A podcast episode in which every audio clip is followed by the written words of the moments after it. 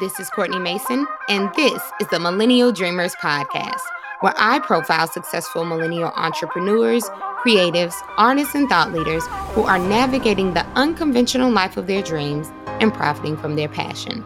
I also share inspiration and career tips to help you take the leap of faith and go after your dreams. Greetings and salutations, friend. I hope you are well. I am fantastic. Thank you for asking. I'm fresh off of my homecoming from my dear alma mater, which is the Grambling State University. I'm still trying to recover. Homecoming was lit this year. Not gonna lie, it was cold like unnecessarily cold and we're here in the south so and i live in new orleans so it's generally and has been generally about 70 degrees well it was about 50 and the highs were about 50 and the lows were in the 30s this past weekend and I was like, I mean, I'm really not understanding, but nevertheless, survived it. Part I did partake in all the shenanigans which I will keep to myself. But just to know that I had a grand old time with my gram fam. Shout out to y'all, anyone who is attending or has attended Grambling State University, you know what it's like to be Gram Fam. So shout out to you and anyone else who has celebrated their homecoming recently because there's nothing like going back to your HBCU and being able to connect with people that you haven't seen in a while, you haven't connected with maybe face to face, and to just vibe and have a good time. So I wanted to start out by saying that, well, this topic today, as you read from the title, is all about how we should trust our own judgment and why you don't need anyone else's approval but your own. So I thought about this because I was listening to one of the Red Table Talk episodes. Um, we know Jada Pinkett Smith and her mom Gammy and her daughter Willow. They have an amazing show, Red Table Talk, and they're always having amazing guests on and just having insightful discussions. And recently they had Alicia Keys on, and she said something to that effect as well about why she had to get out of the habit of seeking other people's approval and not just trusting her own judgment. And I was like, yes, sis, yes, because it's such a common thing, something I know that I do um, or have done and trying to just get better at you know trusting my own instinct as well and so we talk about um, our ideas with everyone else, right? We will say, you know, what do you think about this? Or what should I do in this situation? Or, you know, you go around telling everybody else what you either plan to do or um, considering their input and their thoughts on anything, whether it's related to your personal life or your professional life and you're like what do you think? What should i do? Um, in those scenarios and we collect other people's opinions like fine china or like okay let me get enough opinions and then i can take you know um, what whatever seems to be like the median of of those which if i get enough yeses then i'll go with a yes. I should go this route or do this thing or um, have this person in my life. Or if enough people tell me mm, maybe not then i'll need to rethink that. And it's like why do we do that? Because in all honesty people are giving you their input based on their own lived experiences their own thoughts. But it's you who will live with the decision that you make so I just wanted to touch on this topic very briefly because it's important that we learn to develop the muscle of trusting our own decision making. Um, and I think it absolutely comes from a place of fear and self doubt. It might be shame from past failed experiences or mistakes that we've made in the past. And so we've kind of learn to maybe be more cautious in deciding what it is. But really, what we need to do is just accept that we have whatever it is that we need to make the decisions ourselves. And so, the main thing that that I wanted to talk about is how can we do that? How can we trust our own judgment and decision making? And the first, very first thing right out the gate is ask yourself, what does your gut say? Right? Because our gut is our guiding light. That's the thing that's going to help us really understand if we're going in the right direction. And I was like reading, I love to like if a if an idea comes to my head or if something sparks my curiosity, I go on a rampage and like just reading or listening to people talk about it or just you know getting um, an understanding of why we think the way that we think. And one thing that I came across from a lady who wrote about this particular topic as well is that she says the reason why we should not ignore our own gut instinct and our intuition is because our intuition comes from a complex combination of all the relevant experiences that we've ever had, how we felt during slash as a result of those experiences, and any information that we've gathered about the situation consciously and subconsciously.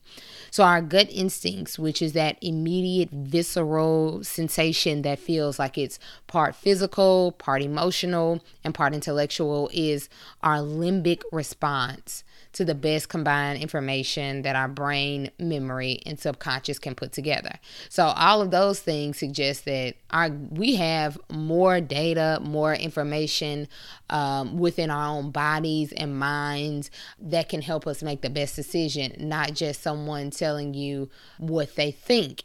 And now it's more of we think more of like we should make the, the most rational decision. Like we consider all the options weigh the pros and cons um, does it make sense? Or just looking at things from a rational point of view but we should we shouldn't only consider the rational and disregard you know what comes to us intuitively. And there's a quote by albert einstein and he says the intuitive mind is a sacred gift and the rational mind is a faithful servant we have created a society that honors the servant and has forgotten the gift, meaning a society that honors the rational mind but has forgotten the intuitive mind. And so that's one of the first things. And I didn't write out a list of like five things that you can do because it's really you know, kind of short what we can do to like trust ourselves more. But trusting our gut. What ask yourself, what does my gut tell me to do? And then also asking yourself what feels right. What feels right in your body? Like we might think like, you know, actually it if I think about it, it makes sense to do this, but everything in your body tells you that you should go in an opposite direction.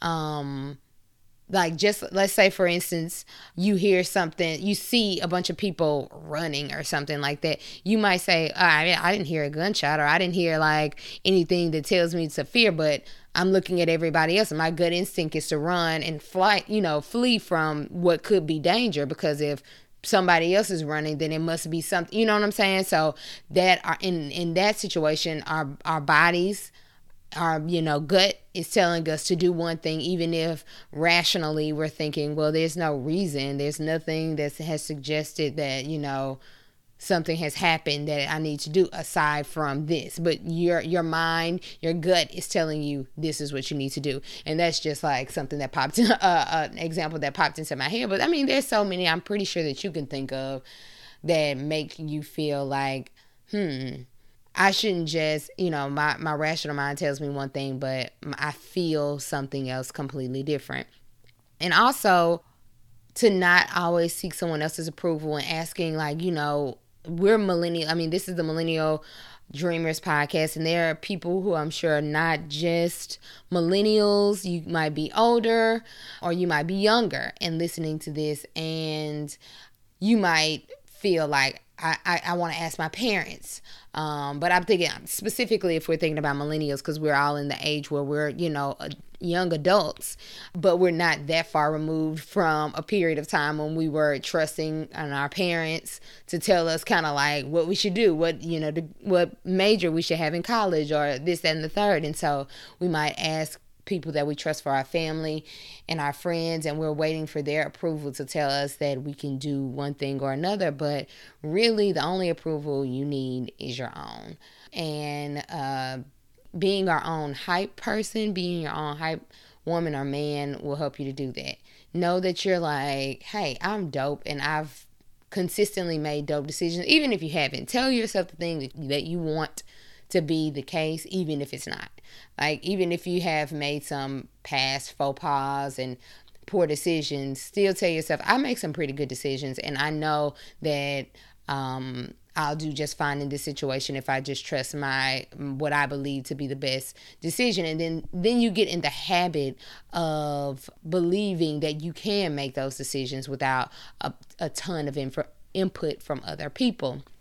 I think it takes courage to do that. It takes courage to just uh, realize that whatever your your decisions are, um, even whatever mistakes you make, they're your own, and you need to own them because that's the only way to grow anyway from it and to stand firm and strong in what it is that you um, decide that you want to do for yourself because you are writing the script and no one else can live your life you might take someone else's advice and it go completely left when in actuality you knew all along what you wanted to do. And another point that I want to make is that realize that even if you're if you're not trusting your own judgment or or you're seeking the approval for other people because you've made mistakes in the past, that's fine because there are very few mistakes and or decisions that are irreversible um, we have God willing a lot of life to live, so mistakes will happen. And what happens from that, if if we go say like, I think I should do this, you know, I'm based on my own decision making, I feel I want to go in this route. If it doesn't work out and other people were telling you to do the exact opposite, guess what's going to happen? You're going to take that experience and it's going to be a learning. If you don't win from it, you'll learn from it right? Nothing is wasted. No experience is wasted whatsoever. We only learn or we grow. So don't shy away from that. That's something that I was thinking. It's like, even if we make mistakes, it's fine. It, it's very few things are just irreversible. There's there might be some, but very few decisions that you make in life will be just completely irreversible. So, um, yeah, that's basically what I wanted to talk. There was like a lightning round this week. Um, because I'll be back with some guest interviews in the in the next few weeks. Um, I've already interviewed an amazing guest for uh, next week and the following week, so um, I'm excited for that. And I'm just glad to be back. I hope everyone has been having a fantastic um, fall so far. We're in November, so we're gearing up for Thanksgiving and the holidays. And I just hope that you're taking time for yourself, doing some self care, and just enjoying yourself, your friends, your family, doing whatever it is that you need to do for yourself to um, be the best you possible. So, that's all I have for this week, and I hope you all have a great weekend. We will talk soon. Peace.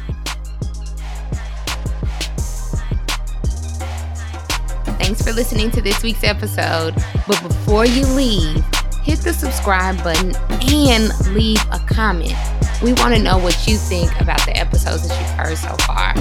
Let us know by subscribing and leaving a comment. And again, thank you for tuning in. We'll talk soon. Peace.